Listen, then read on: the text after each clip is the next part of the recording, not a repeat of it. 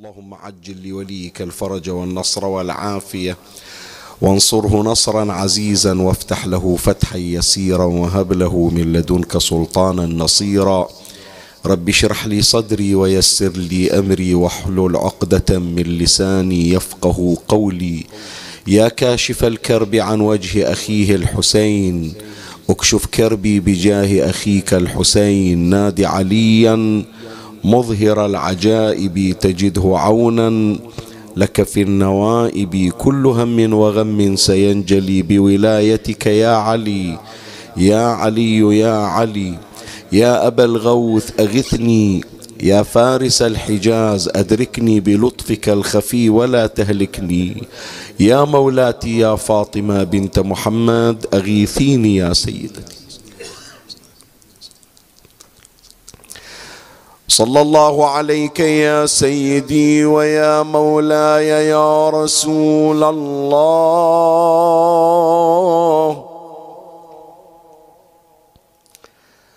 صلى الله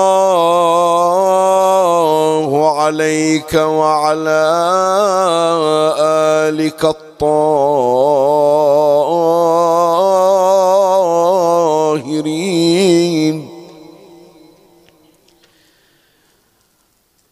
فاز من اعتصم بكم وامنا من لجأ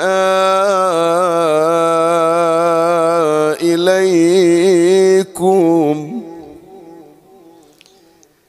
يا ليتنا كنا معكم سادتي. فنفوز فوزا عظيما.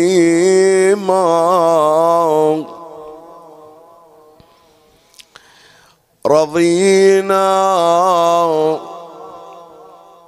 رضينا يا بني الزهراء رضينا. رضينا. يا بني الزهراء رضينا بحب فيكم يرضين بينا. رضينا يا بني الزهراء رضينا بحب فيكم يرضي نبينا. رضينا بالنبي لنا إماما وأنتم آله وبكم رضينا وزينب من لها شرف سمي سلالة أحمد المختار فينا. وزينب وزينب من لها شرف سمي سلالة أحمد المختار في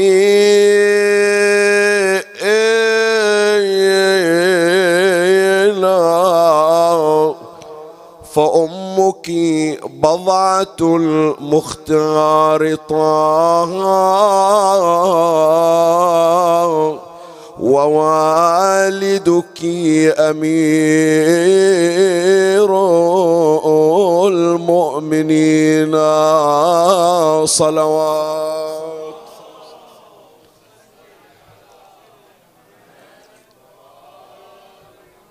قال سيدنا ومولانا علي بن الحسين زين العابدين عليه السلام. لعمته الحوراء زينب عليها السلام. يا عمة اسكتي ففي الباقي من الماضي اعتبار. وأنت بحمد الله عالمة غير معلمة فهمة غير مفهمة. إن البكاء والحنين لا يردان من قد أباده الدار.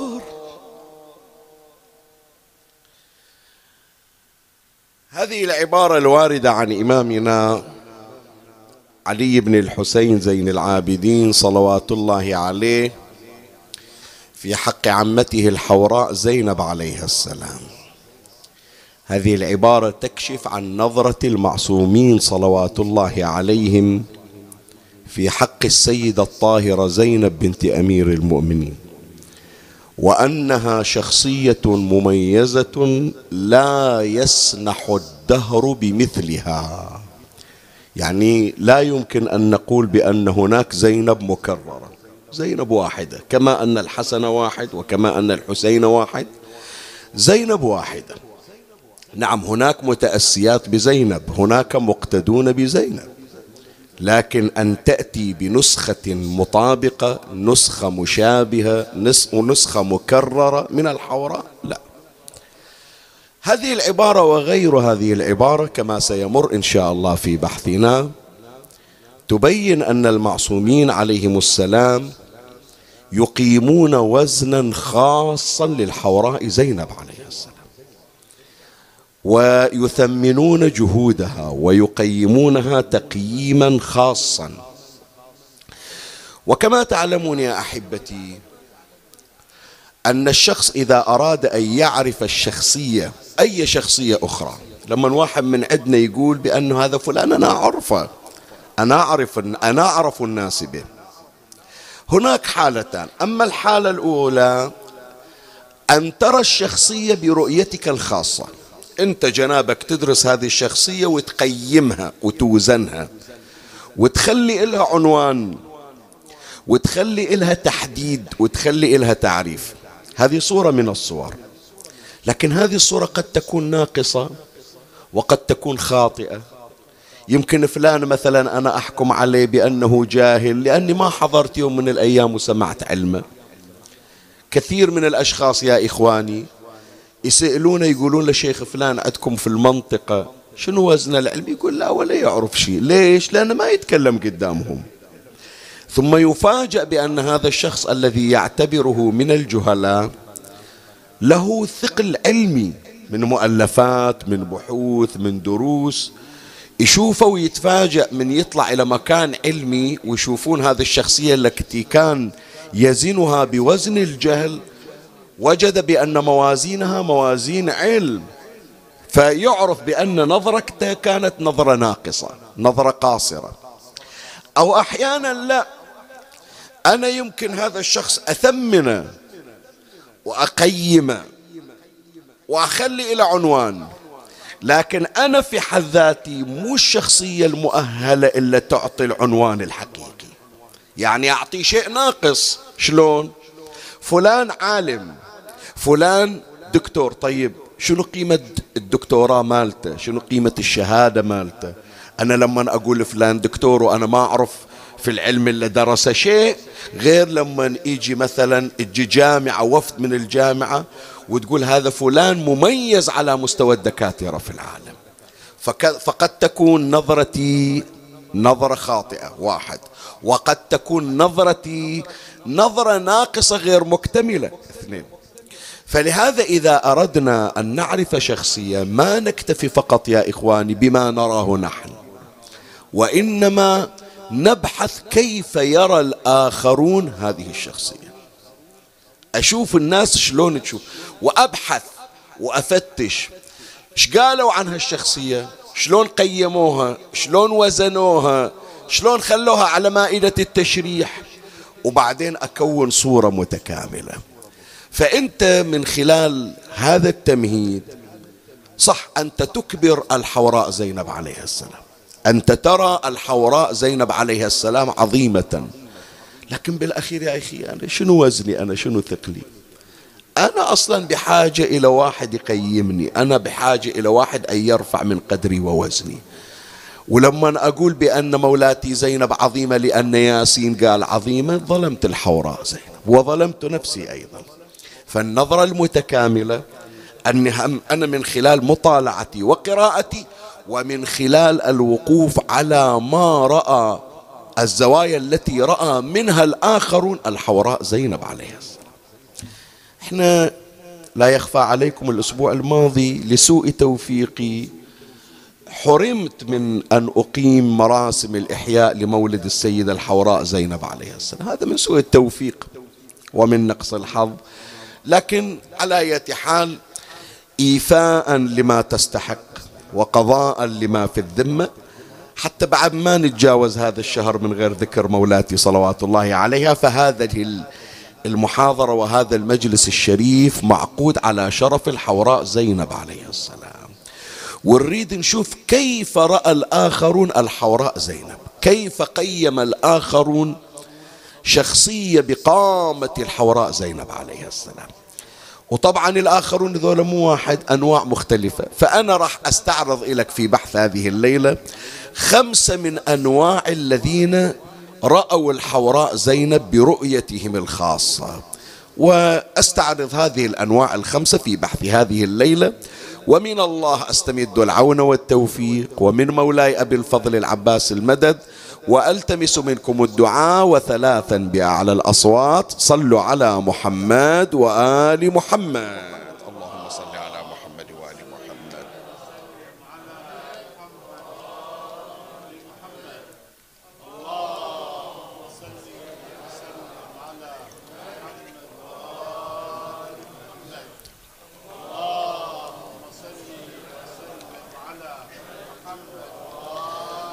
عنوان بحث هذه الليلة السيدة زينب عليها السلام كما يراها الآخرون. ونعرض خمسة أنواع من رؤى الآخرين. أما النوع الأول وهو أهم الأنواع. رؤية الأوصياء. الأئمة عليهم السلام كيف ينظرون إلى الحوراء زينب؟ فإحنا راح نمر على أربعة من المعصومين عليهم السلام ونقف على رؤيتهم إلى الحوراء زينب. كيف يرونها؟ طبعا إذا شاف الإمام الحسين أخت زينب غير إذا أنا شفت الحوراء زينب. أنا ما مقدار رؤيتي لكن هو رؤية الحسين هو هي رؤية الله تبارك وتعالى.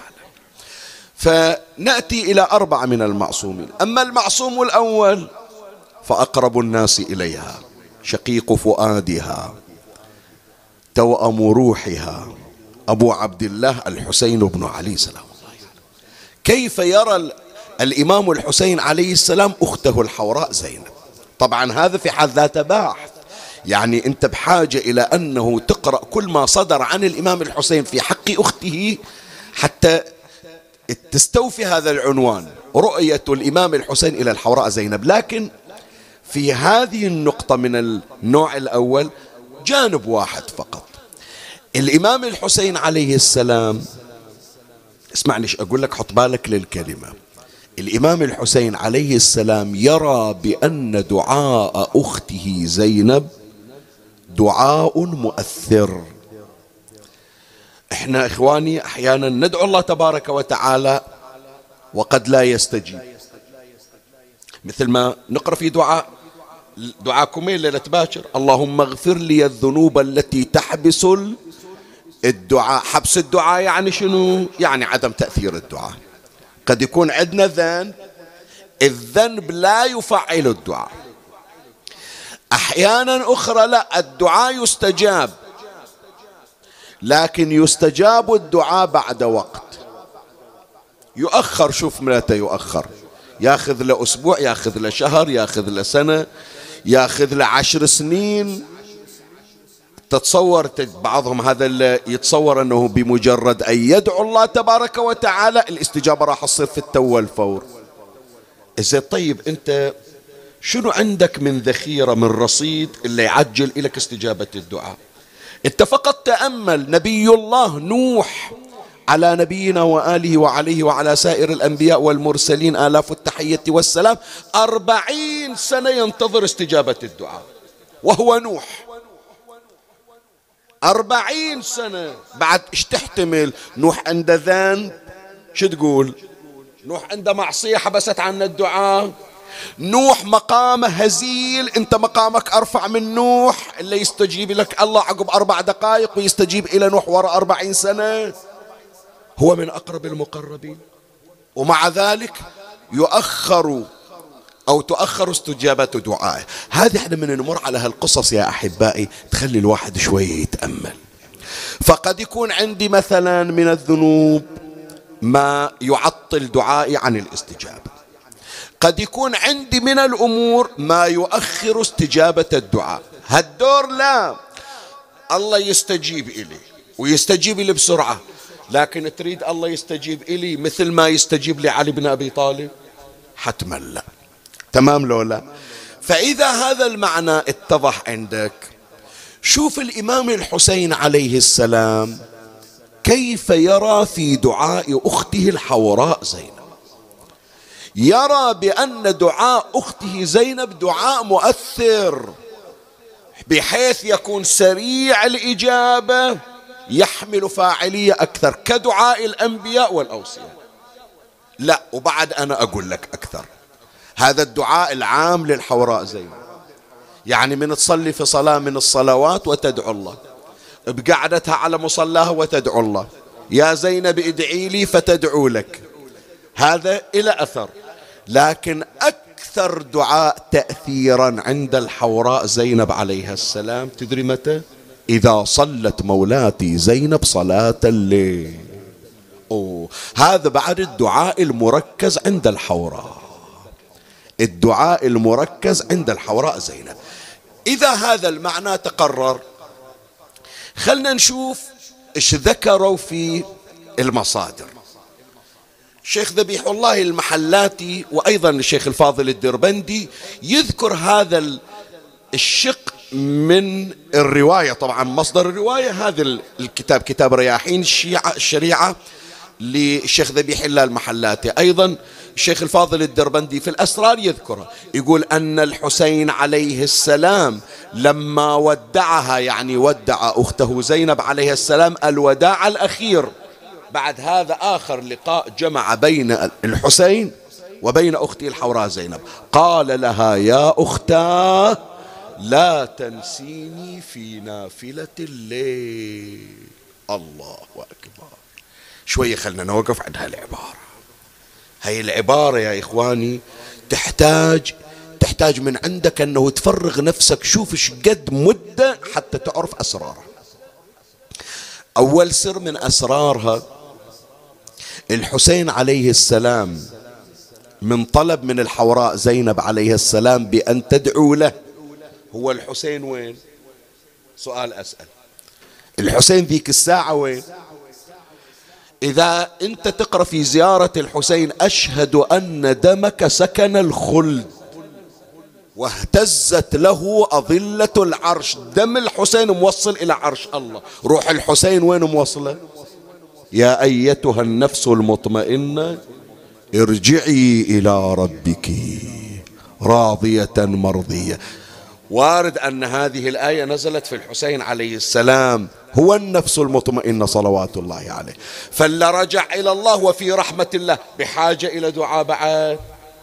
لا هو دعاؤه هو عين الرحمة الإلهية. لكن مع ذلك الحسين يقول أنا بحاجة إلى دعاء زينب. شنو هالدعاء هذا اللي عند الحوراء زينب؟ بعد. الحسين ما طلب دعاء عام. ما قال له أنا ماشي.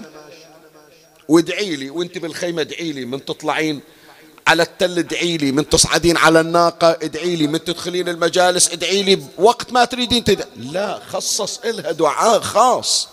لا تنسيني في نافلة الليل. شنو موجود من سر في دعاء زينب إذا صلت صلاة الليل؟ هذه كلها أسرار يا إخوان إحنا ما نعرفها.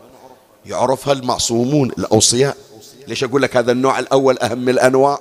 والحسين عليه السلام هو أعرف بأسرار أخته الحوراء. ثم شوف عبارة الحسين هي الملاحظة الثالثة على النص. ما قال لها زينب ادعيني ادعي لي وأنا رايح. وأنت عادة لما تطلب من واحد الدعاء شو تقول له؟ أسألك الدعاء. مو صحيح؟ الحسين يقول لها لا تنسيني. يعني يؤكد عليه يقول أريد الدعاء. شلون انت جنابك تقول الحاجة الفلانية أطلبها؟ وعقب ما تقدم الطلب تريد تطلع تريد ترجع تقول له شنو؟ لا تنسى الحاجة اللي وصيتك عليها. زين لا تنسى شنو يعني انت قدمت الحاجة؟ تأكيد على طلب الحاجة. بعضهم ينقل يقول بأن الحسين خلاص راح. ورد رجع إلى أخت زينب مرة أخرى. وقال يا زينب لا تنسيني في نافلة الليل. الرجوع مرة ثانية مثل قضية الإمام الرضا عليه السلام لما تحركت قافلته ثم رفع طرف الهودج وقال ولكن بشرطها وشروطها وأنا من يعني تأكيد تأكيد يأكد الحسين على زينب. فإذا أول رؤية من رؤى المعصومين سلام الله عليهم والأوصياء صلوات الله عليهم أجمعين. أن دعاء زينب عليه السلام دعاء مؤثر ويزداد تأثيره في نافلة الليل زين. هذا بالنسبة إلى الإمام الحسين. نجي إلى المعصوم الآخر وهو ابن أخيها الإمام علي بن الحسين زين العابدين وسلم كيف يرى زين العابدين عمته زينب عليه السلام؟ يقول لها وأنت بحمد الله عالمة غير معلمة وفهمة غير مفهمة شوف عبارة وأنت بحمد الله. الواحد متى يحمد الله يا جماعة؟ أحسنت يحمد الله على النعم. ولما ابتدأ الإمام زين العابدين عليه السلام هو يريد يقول إلى عمته أنت عالمة غير معلمة. لا قدم قبل عالمة غير معلمة هذه الجملة الاعتراضية. وأنت أو شبه الجملة وأنت بحمد الله. يعني أحمد الله على زينب. أحمد الله على نعمة زينب. وين النعمة في الحوراء زينب؟ سؤال. يحتمل أن النعمة في الحوراء زينب أن وجود زينب عند أهل البيت هو نعمة. الآن كون أهل البيت عندهم أشرف الخلق وهو أبو القاسم محمد صلى الله عليه وآله. وجود النبي نعمة لو مو نعمة؟ شلون مو نعمة؟ اعلموا أني فاطمة وأبي محمد صلوا عليه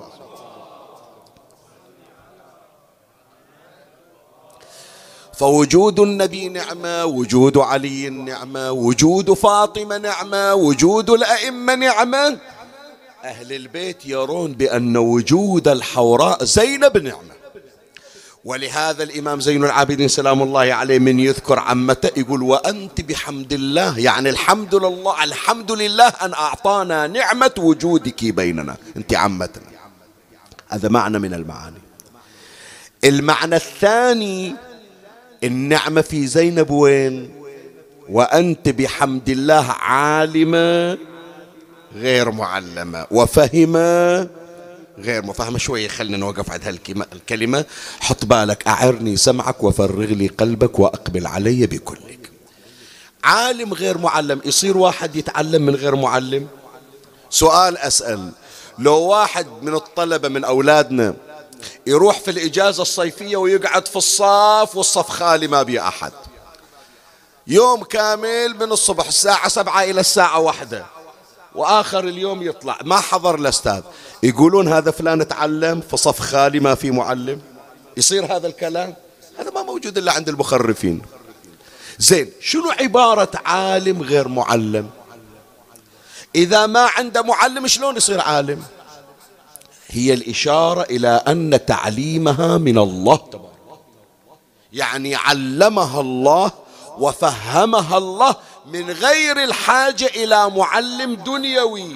يقذف الله العلم في قلب الحوراء زينب. وإذا كان علم الحوراء زينب علم إلهي أهل البيت يأخذون من هذا العلم لو ما يأخذون؟ شلون ما يأخذون؟ إذا علم من طريق الله شلون ما يأخذون من هذا العلم؟ بل يأخذون. فلهذا كأنما الإمام زين العابدين أقول هذا احتمال. يريد أن يقول إني أحمد الله على نعمة أنه جعل من موارد علمي يعني من الطرق اللي أخذ منها العلم عمتي زينب. أخذ العلم منها. وهي الكلمة نوعا ما صعبة. يمكن مو الكل يتقبلها. شيخنا منو الأعلى منو الأدنى؟ المفروض أن المعلم أعلى من المتعلم صحيح لو لا؟ يصير التلميذ أعلى من الأستاذ؟ ما يصير. ما دام هو أستاذ يعلم فضل الله قل هل يستوي الذين يعلمون والذين لا يعلمون. طيب فإذا كانت زينب هي العالمة وتعلم زين العابدين هل معنى هذا بأن زينب أعلى شأنا من زين العابدين؟ لا نقول بذلك. شلون شو تخلي لها والطيب؟ إيه شوف مولاي الكريم القرآن يذكر لنا نموذج. الخضر علم موسى. صحيح لو لا؟ هل كان الخضر أعلى شأنا من موسى؟ لا. حتى لو كان الخضر نبي ليس من أولي العزم وليس من الرسل. لكن الله تبارك وتعالى شرف الخضر أن جعله وسيلة لنقل العلم الإلهي إلى موسى الكليم فإحنا لو افترضنا بأن زينب عليها السلام نقلت علما إلهيا وفهما إلهيا إلى الإمام زين العابدين أقول فرضا فرضا أنا أحكي. ما جايبينها كحقيقة. أقول فرضا لو قدرنا هذا الأمر.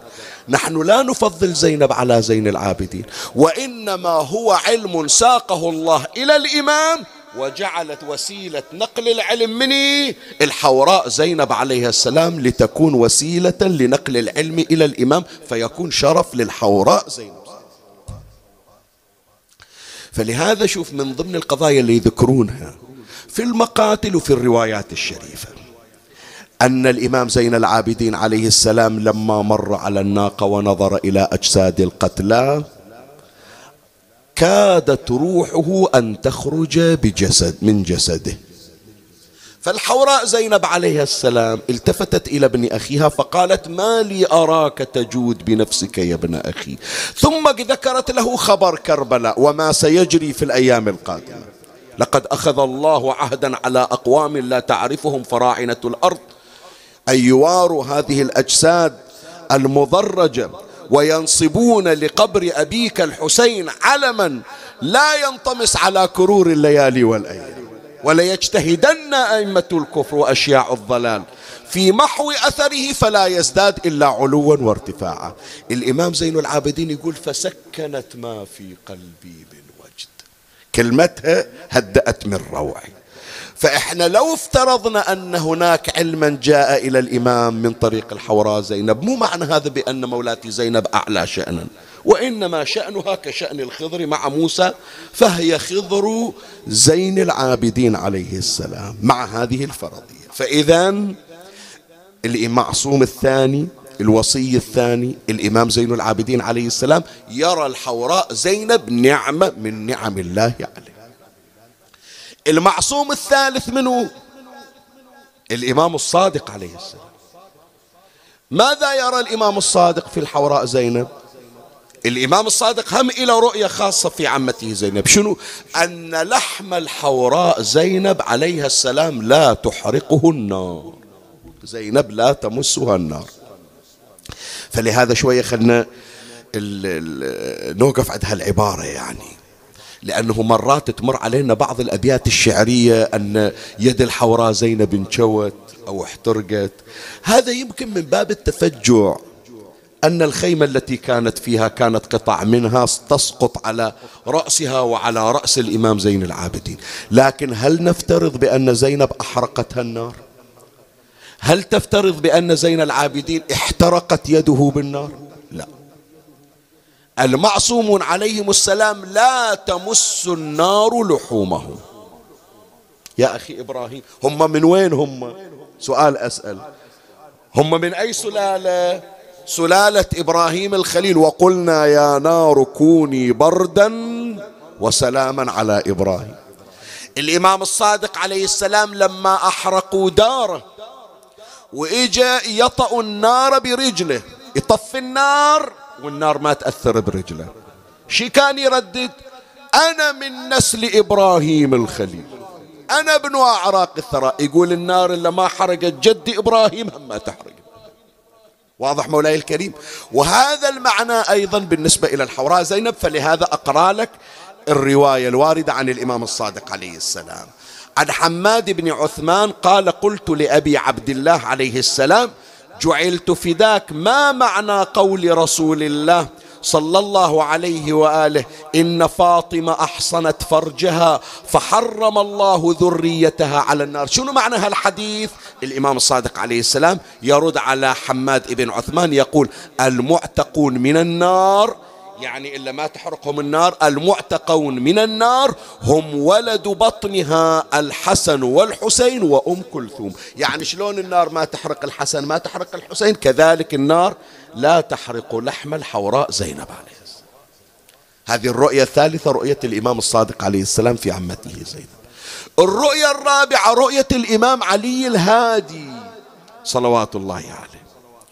الإمام الهادي عنده بأن عمته زينب لا تأكل لحمها السباع الضواري.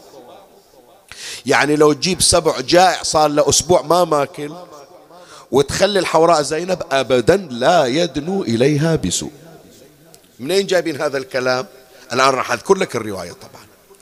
في زمن الإمام الهادي إجت وحدة ودعت بأنها زينب بنت علي. هذا وين؟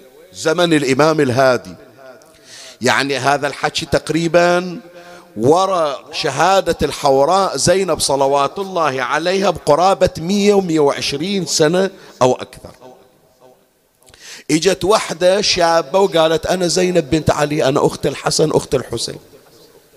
يا معودة زينب فارقت الحياة؟ قالت لا أنا ما فارقت الحياة. أنا كنت مضمومة خايفة من جور بني أمية. والآن راحت بنو أمية وإجت الدولة العباسية وهذا الإمام العادل خليفة المسلمين أمير المؤمنين جعفر المتوكل اللي ماكو في الدنيا أطهر من عنده هو سيد العادل من طلع. أنا أمنت طلعت من مخبئي؟ زين افتتن الناس بها افتتن الناس بها. جابوها إلى جعفر المتوكل جابوا الإمام الهادي صلوات الله يعني. قالوا هذه تقول عمتكم؟ الإمام قال لا عمتي زينب ماتت في تاريخ كذا في يوم كذا. إحنا إحنا أعرف الناس وأدرى الناس بعمتنا. قالت لا يا ابن أخي شوف شوف شوف شلون الاحتيال. يا ابن أخي أنا مو ميتة إذا قالوا لكم أنا ميتة أنا ما متت ترى أنا كنت خايفة مضمومة ما حد يدري عن مكاني. زين الآن إذا صار لك مئة سنة شلون جسمك ما تغير؟ شلون بعد الشابة قالت بدعاء أخي الحسين. جسمي ما تغير. طيب. فإذا أنت زينب بنت علي؟ قالت إيه أنا زينب بنت علي وأمي فاطمة وأخت الحسن والحسين وأنا عمتكم. الإمام الهادي التفت للمتوكل. قال له إذا هي صدق زينب أنت عندك سباع عندك أسود. موجودة هناك. ما أدري راح سامر شايفين لولا؟ بركة السباع موجودة بقاياها إلى الآن. قال خلي واحد من السباع ينقض عليها. فإذا هي صدق بنت الزهراء السباع لا تأكل لحمها. خلي أنقل لك النص اللي ذكر العلامة المجلسي على الله مقامه قال الإمام الهادي عليه السلام لما ظهرت المرأة المدعية أنها زينب بنت علي قال هذه العبارة الإمام.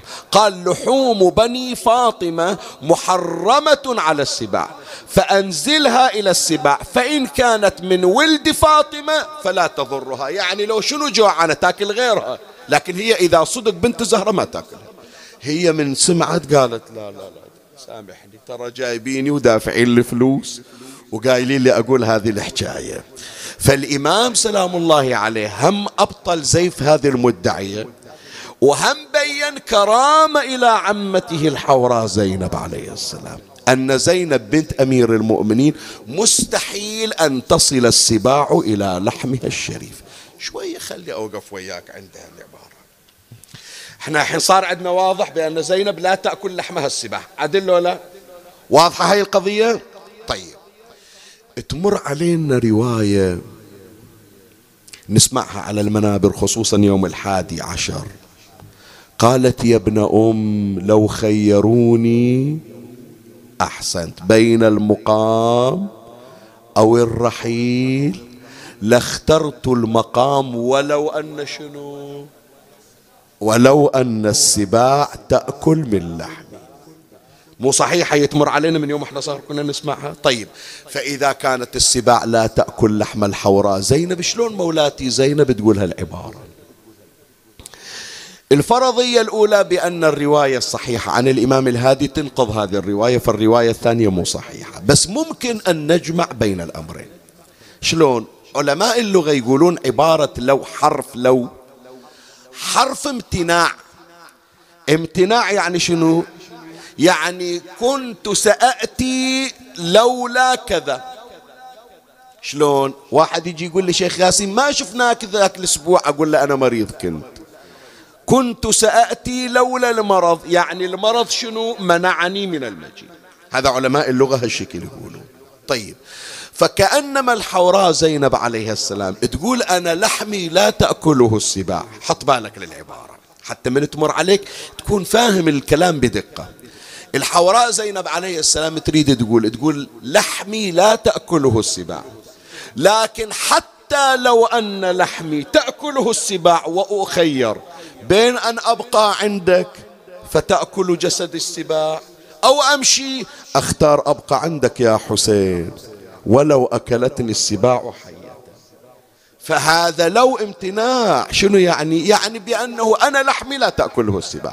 لكن حتى لو هالكرامة ارتفعت عني ما أتركك خوف السباع أبقى وياك. لأن فراقك يا أبا عبد الله أعظم من أن تنهش لحم السباع وأنا على قيد الحياة. فإذا هذا النوع الأول بينا كيف يرى الأوصياء الحوراء زينب عليه السلام زينب مو واحدة عادية. زين دول الأوصياء خلنا نيجي إلى غير الأوصياء. يعني غير الأئمة. منو؟ الأولياء. السيدة حكيمة بنت الإمام الجواد عليه السلام. خلنا نشوف السيدة حكيمة كيف ترى عمتها زينب. الرواية عن أحمد ابن إبراهيم. اجى سأل السيدة حكيمة بنت الإمام الجواد. خلي أنقل لك نص الرواية. يقول إلى من تفزع الشيعة؟ يعني الآن المرجعية الشيعية إلمن هذا الكلام في زمن منو؟ في زمن الإمام العسكري لما فارق الحياة. فالإمام العسكري فارق الحياة. والإمام الحجة بن الحسن عجل الله فرجه الشريف غائب. فالمرجعية الشيعية وين؟ تذكر السيدة حكيمة. يسألها يقول إلى من تفزع الشيعة؟ فقالت عليه السلام السيدة حكيمة إلى الجدة أم أبي محمد يعني السيدة نرجس العفو. يعني السيدة سوسن أم الإمام العسكري عليه السلام. إلى الجدة أم أبي محمد عليه السلام. فقلت لها أقتدي بمن وصيته إلى امرأة؟ يصير يعني إحنا نعرف الأئمة يوصون من بعدهم إلى إمام ذكر. واحد اللي يوصي إلى حرمة من عقبة. هذا أنا أعتبره إمام. شوف السيدة حكيمة إيش قالت. فقالت عليها السلام اقتداء بالحسين بن علي عليه السلام. والحسين بن علي أوصى إلى أخته زينب بنت علي في الظاهر. وكان ما يخرج عن علي بن الحسين عليه السلام من علم ينسب إلى زينب سترا على علي بن الحسين. يعني عقب يوم العاشر يا جماعة مرجعية الشيعة من كانت؟ الحوراء زينب سلام الله عليها. مو معنى هذا بأن العلم من عندها؟ لا الإمام زين العابدين يطلع العلوم يطلع الأجوبة ويدفعها إلى عمة زينب وزينب هي اللي تعطي الأجوبة إلى الشيعة. ليش؟ حفاظا وسترا على الإمام زين العابدين وظلت الحوراء زينب مرجعا إلى الشيعة في ذلك الوقت. فيا أحبائي هذه هذا النوع الثاني يبين بأن من عقائد السيدة حكيمة بنت الإمام الجواد أن زينب عمتها كانت مرجعا للشيعة بعد قتل الإمام الحسين عليه السلام ردحا من الزمن هذا النوع الثاني النوع الثالث الآن ذكرنا الأوصياء كيف يرون زينب الأولياء كيف يرون زينب. خلنا نشوف العلماء كيف يرون زينب. إي والله عمي تجيب جاهل يقيم زينب إيش حده؟ لكن تعال شوف العلماء كيف يرون زينب بنت علي. هاي القضية يذكرها أبو الفرج الإصفهاني في كتابة مقاتل الطالبيين. يقول ذاكر ابن عباس عبد الله بن عباس قصة فدك مع الصديقة الزهراء عليه ومطالبة فاطمة بفدك. زين فمن يذكر قصة فدك وكلام الزهراء شي يقول؟ حدثتني عقيلتنا زينب بنت علي. شوي خلنا نوقف عند هالعبارة. لأنه إذا وقفت عندها وتأملت فيها راح تعرف قيمة الحوراء زينب عليه السلام. أولا ابن عباس تعرف شي يسمونه؟ لو لا. إحنا ذاكرين كم مرة هذا الكلام. يسمونه بحر الأمة. بحر ويسمونه حبر. مرة يقولون حبر الأمة ومرة يقولون بحر الأمة علما مثل البحر. وهذا العلم من وين ماخذنا؟ من أمير المؤمنين علي بن أبي طالب سلام الله عليه. يعني. طيب فهذا اللي هو يا جماعة من علمه يوصفون بالبحر. يريد يقول أن واحد من روافد هذا البحر شلون سويت هالبحر؟ منو اللي علمني؟ زينب بنت علي. حدثتني يعني علمتني زينب بنت علي. إيش كبرها يا جماعة اللي تخلق إلها بحور من العلم؟ هي إيش كبرها هي واحدة. الثاني من الأمور يا إخواني يعبر عنها بعقيلتنا. حدثتني عقيلتنا. تعرف عقيلتنا شنو يعني؟ تعرف عقيلتنا شنو معناها؟ لما يقولون هذا فلان عقيلة القوم. عقيل يعني شنو أو عقيلة؟ يعني سيد القوم.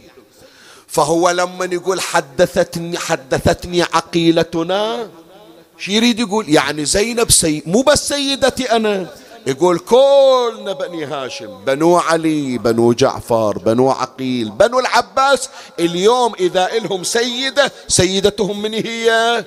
زينب بنت علي. هذا إذا قال ابن عباس هالعبارة هذه وقدام الناس هم يشوفون بأنه حبر الأمة بحر الأمة.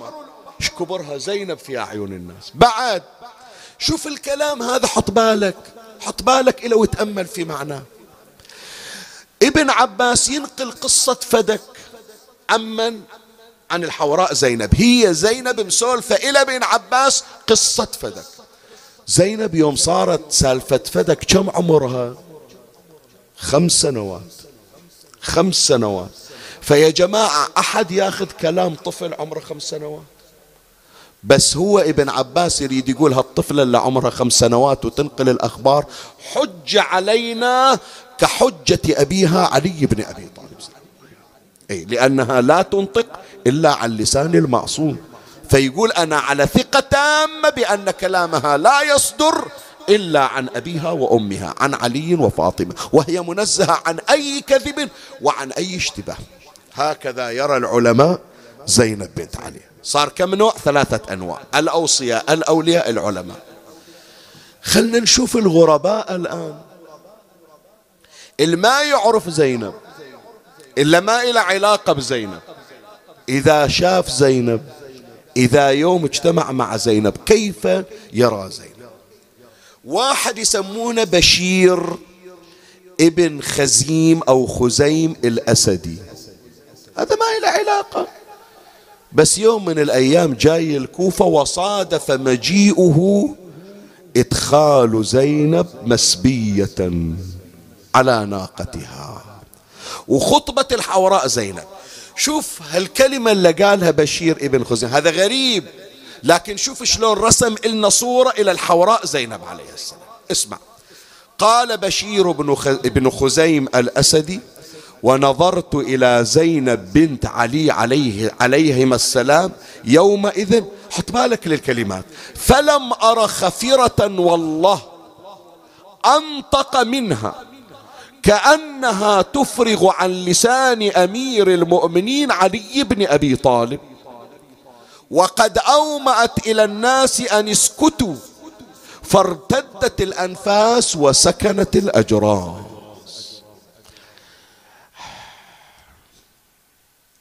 شوية تحتاج إلى تأمل. هذا بروح الكلمة هي بروحها تحتاج إلى محاضرة مستقلة. بس إحنا إلنا عبارة واحدة هي اللي راح نوقف عندها. يقول فلم أرى خفيرة. زين تدري هذا الكلام متى؟ هذا أول ما دخلوهم الكوفة. تعرف أول ما أدخلوهم الكوفة شنو؟ النار أحرقت ثيابهم. بعض بنات رسول الله مسلبات. سيد بن طاووس يقول وكان العلج ينازع العلوية ملحفتها. في المقاتل في المقاتل الشيخ الكعبي يذكرها وغير الشيخ الكعبي يذكرها عن عن أمهات المقاتل. فنزلت امرأة ها فأشرفت امرأة وقالت من سبايا من أنتن؟ فقالت زينب نحن سبايا رسول الله. يا حيف علويات ذولا يقول فلمت لهن مقانع وأزر ونزلت من دارها وأعطت بنات رسول الله المقانع والأزر. فيعني من جابوهم إلى الكوفة يا جماعة دخلت بنات رسول الله إلى الكوفة غير دخلتهم إلى الشام.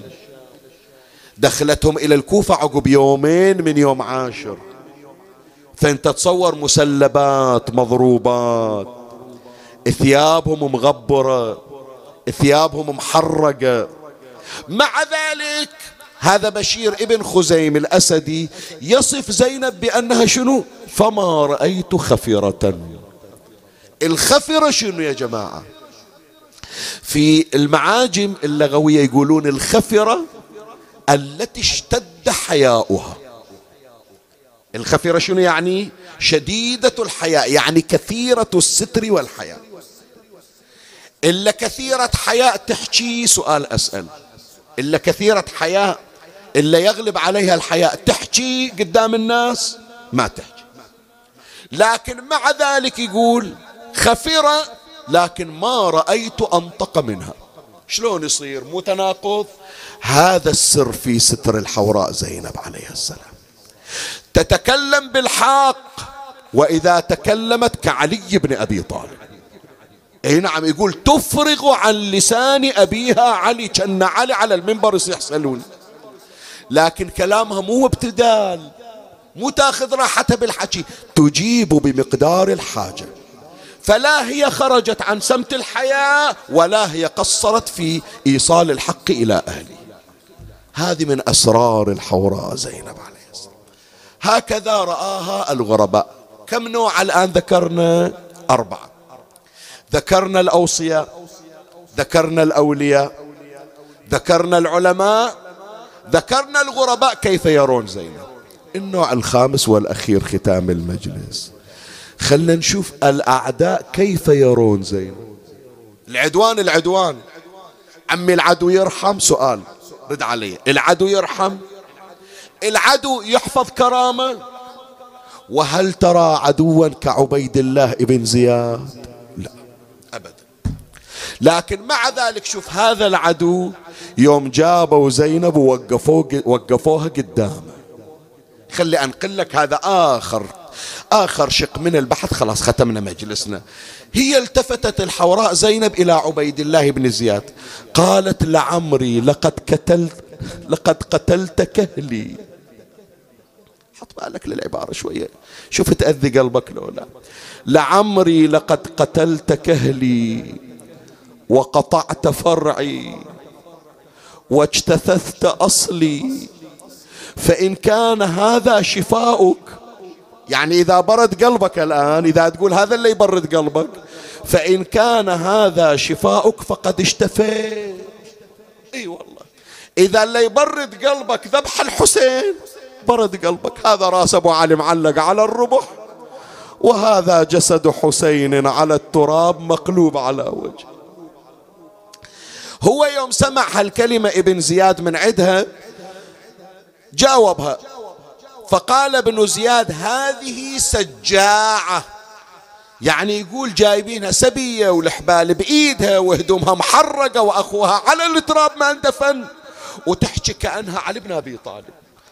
إلا عمي عنده مصيبة ما يقدر يحكي وهي أعظم المصايب نازلة على قلبها وحكيها ولا اختل ولا اهتز. قال هذه سجاعة ولعمري لقد كان أبوك سجاعا شاعرا. فقالت زينب لابن زياد ما للمرأة والسجاعة؟ المرأة ما توقف في المجالس قدام الرجاجيل وتحكي قدامهم. ما للمرأة والسجاعة وإن لي عن السجاعة لشغلة إلا تريد ترصف الكلمات يكون قلبها بارد ومرتاح. مو مسبية واقفة في المجالس. مو ثلاثة أيام جوعانة. مو حتى ركعتين ما تقدر توقف وتصلي تصلي صلاتها من جلوس هو سمع ابن زياد هالعبارة. كان يقول لها بعدك ما شفتي زينب. بعدك ما شفتي شيء. إن شاء الله قلتي بس يوم العاشر المصايب وانتهت. الآن جايتنك المصايب. شوف إيش راح أسوي بيك يا زينب.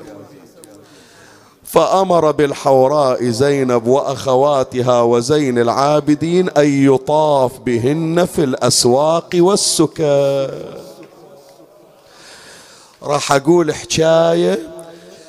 إذا هي قاسية عليك صم أذنك أو اشغلني بصوتك حتى ما تسمعها لأنها تعز على قلب كل غيور. من أقول غيور مو إلا شيعي كل غيور عنده غيرة ومروة تأذيه الحكاية. وطافوا بزينب وأخواتها في الأسواق وأوقفوهن عند سوق الأغنام. والناس يتفرجون على بنات رسول الله. وفي بعض المصادر وكانوا يقذفوهن بالحجارة. زين إلا ويا السبي مو كلهم طبعا علويات. فيهم نساء الأنصار فيهم نساء اللي كانوا وياهم من غير بني هاشم. واحدة من قبيلة بني أسلم من شافت الناس تتفرج عليها. شالت إيدها غطت وجهها. الناس منا تطالع الناس منا تطالع. كل ما دارت من صوب شافت الناس صرخت صرخة. وأسلمه. يعني لو عندي عشيرة كان العشيرة ما ترضى على حريمها توقف بين الأجانب. واحد من الواقفين يتفرجون قال أنا من بني أسلم. قالت أنا بنت عمك ترضى على بنت عمك قال لا والله ما أرضى. الآن تطلعون بنت عمي وإلا أذبحكم الأول والتالي. خافوا الفتنة؟ قالوا طلعوا هذه الأسلمية. ما دام عندها واحد من عيال عمها طلعوها. إجت هذه المرة اللي صرخت إلى زينب قالت سيدتي سامحيني. ما أقدر أشوف ناس أجانب يتفرجون علي صعبة علي. وذول عيال عمي يريدون يطلعوني. تأذنين لي أروح وياهم؟ قالت والله ما قصرت وقفت ويانا بالشدايد الله وياك روحي في أمان الله. مشت الأسلمية. واحدة من بني أسد صاحت وبني أسدة. إجوا بنو أسد. قالوا وين الأسدية؟ قالت موجودة. قالوا طلعوا كل واحدة أسدية تطلع. تجي الأسدية تستأذن من زينب. مولاتي سامحيني أروح؟ قالت روحي الله وياك ما قصرتي. إجت واحدة من بنات بكر ابن وائل صحوا بها عشيرتها وقامت نساء الأنصار كل واحدة تطلع ورا الثانية. منو ظل عمي في السبيل؟ بنات بني هاشم.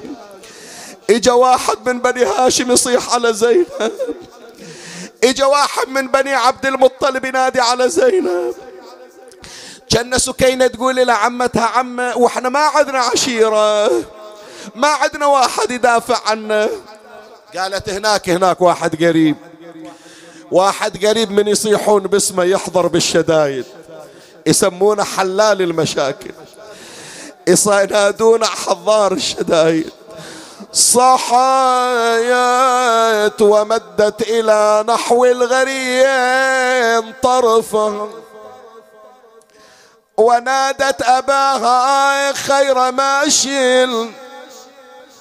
وراكبي والجار والجار يا حيدر يا حمى المطلوب إي والله إذا إلك حاجة عد علي.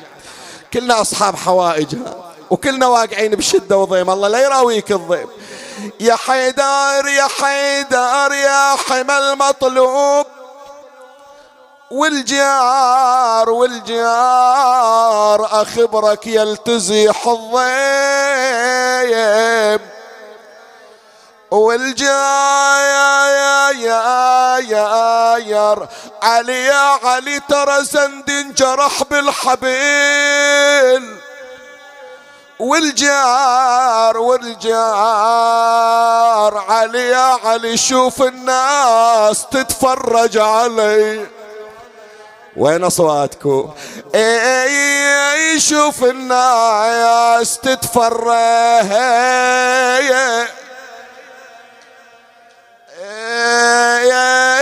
يا جعل.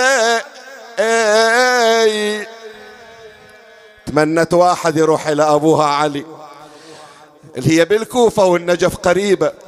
كان واحد يقول تريدين علي أروح أنادي إلك صاحت وليان وليان يا ناعي حيل صيح بصوت.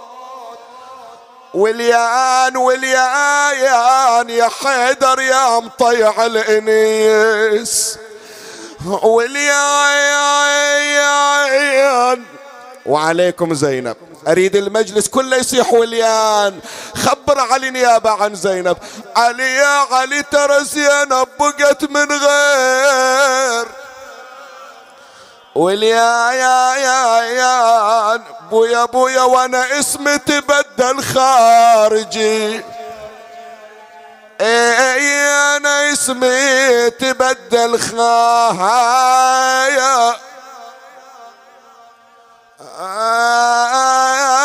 خارجي بويا خلي اسولف لك إيش صار على المدلله إلا تطلعها بالليل ما تريد احد يشوف طولها خلي اسولف لك بنتك المخدرة اللي ربيتها إيش صار عليها يا علي الغيور. بويا كل من لها وليان جوها وصاحوا باسمها وطلعوها. علي يا علي وزينب اهلها ضيعوها. زينب زينب أهلها ضيعوها ولو بكت بالصوت ضربوه إي لو بكت بالصوت.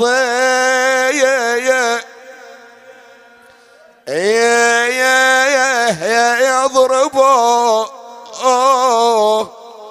الله أبيات قديمة كان أهل البحرين يقرونها الآن قليل اللي يقراها.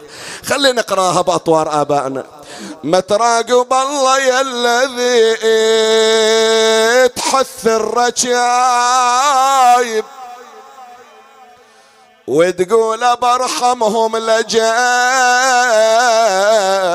لأنهم غرايب.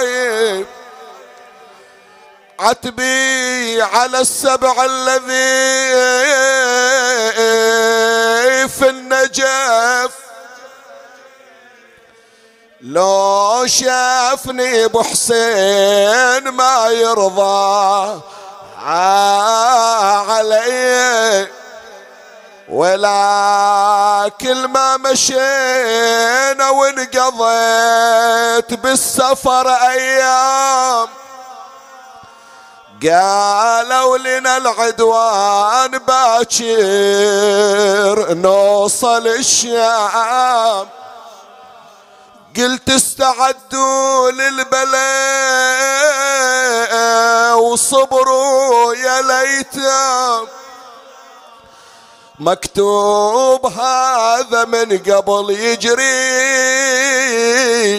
هي علي ولي. صاحت بنموت بنموت أبيات يمكن أول مرة أقراها. خليها إلى الحاجة المتعسرة اللي طلبوا من عندنا الدعاء لمرضاهم. يسمعون زينب المظيومة شو تصيح. صاحت بويا من موت بنموت من كثر المصايب. اقرأ وياي سمعني صوتك. بويا بنموت من كثر المصايب المصايب. بويا من ذوب من نوم الخرايب. والله بنذوب من نوم خرايب عجايب يا خلق والله. اقراها خلي اسمع صوتك. عجايب يا خلق والله. عجايب عجايب سبوني وداح الباب غاي. قم يا علي فما هذا القعود؟ وما عهدي تغض على الأقدام أجفانا وانهض لعلك من أسر أضر بنا. تفكنا وتولى دفن قتلانا. سبايا ونتستر بدينا والناس تتفرج. اللهم صل على محمد وآل محمد. إلهي كيف أدعوك وأنا أنا؟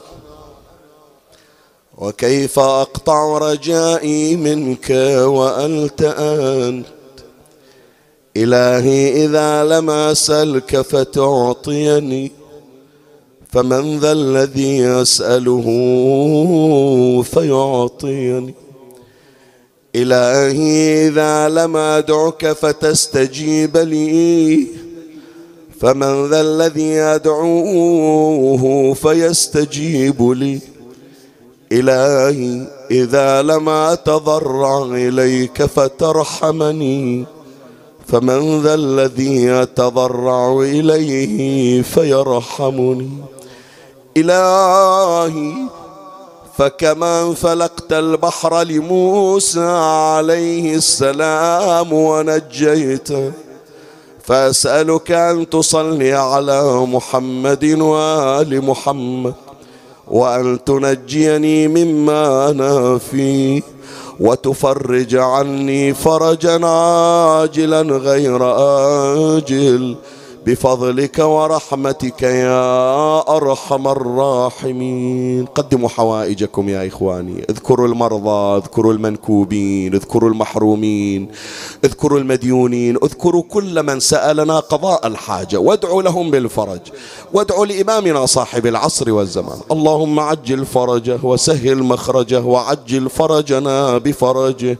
ترحم على أموات وأموات الباذلين والسامعين والمؤمنين. أوصل لهم جميعا ثواب هذا المجلس الشريف وبلغهم ثواب الفاتحة مع الصلوات.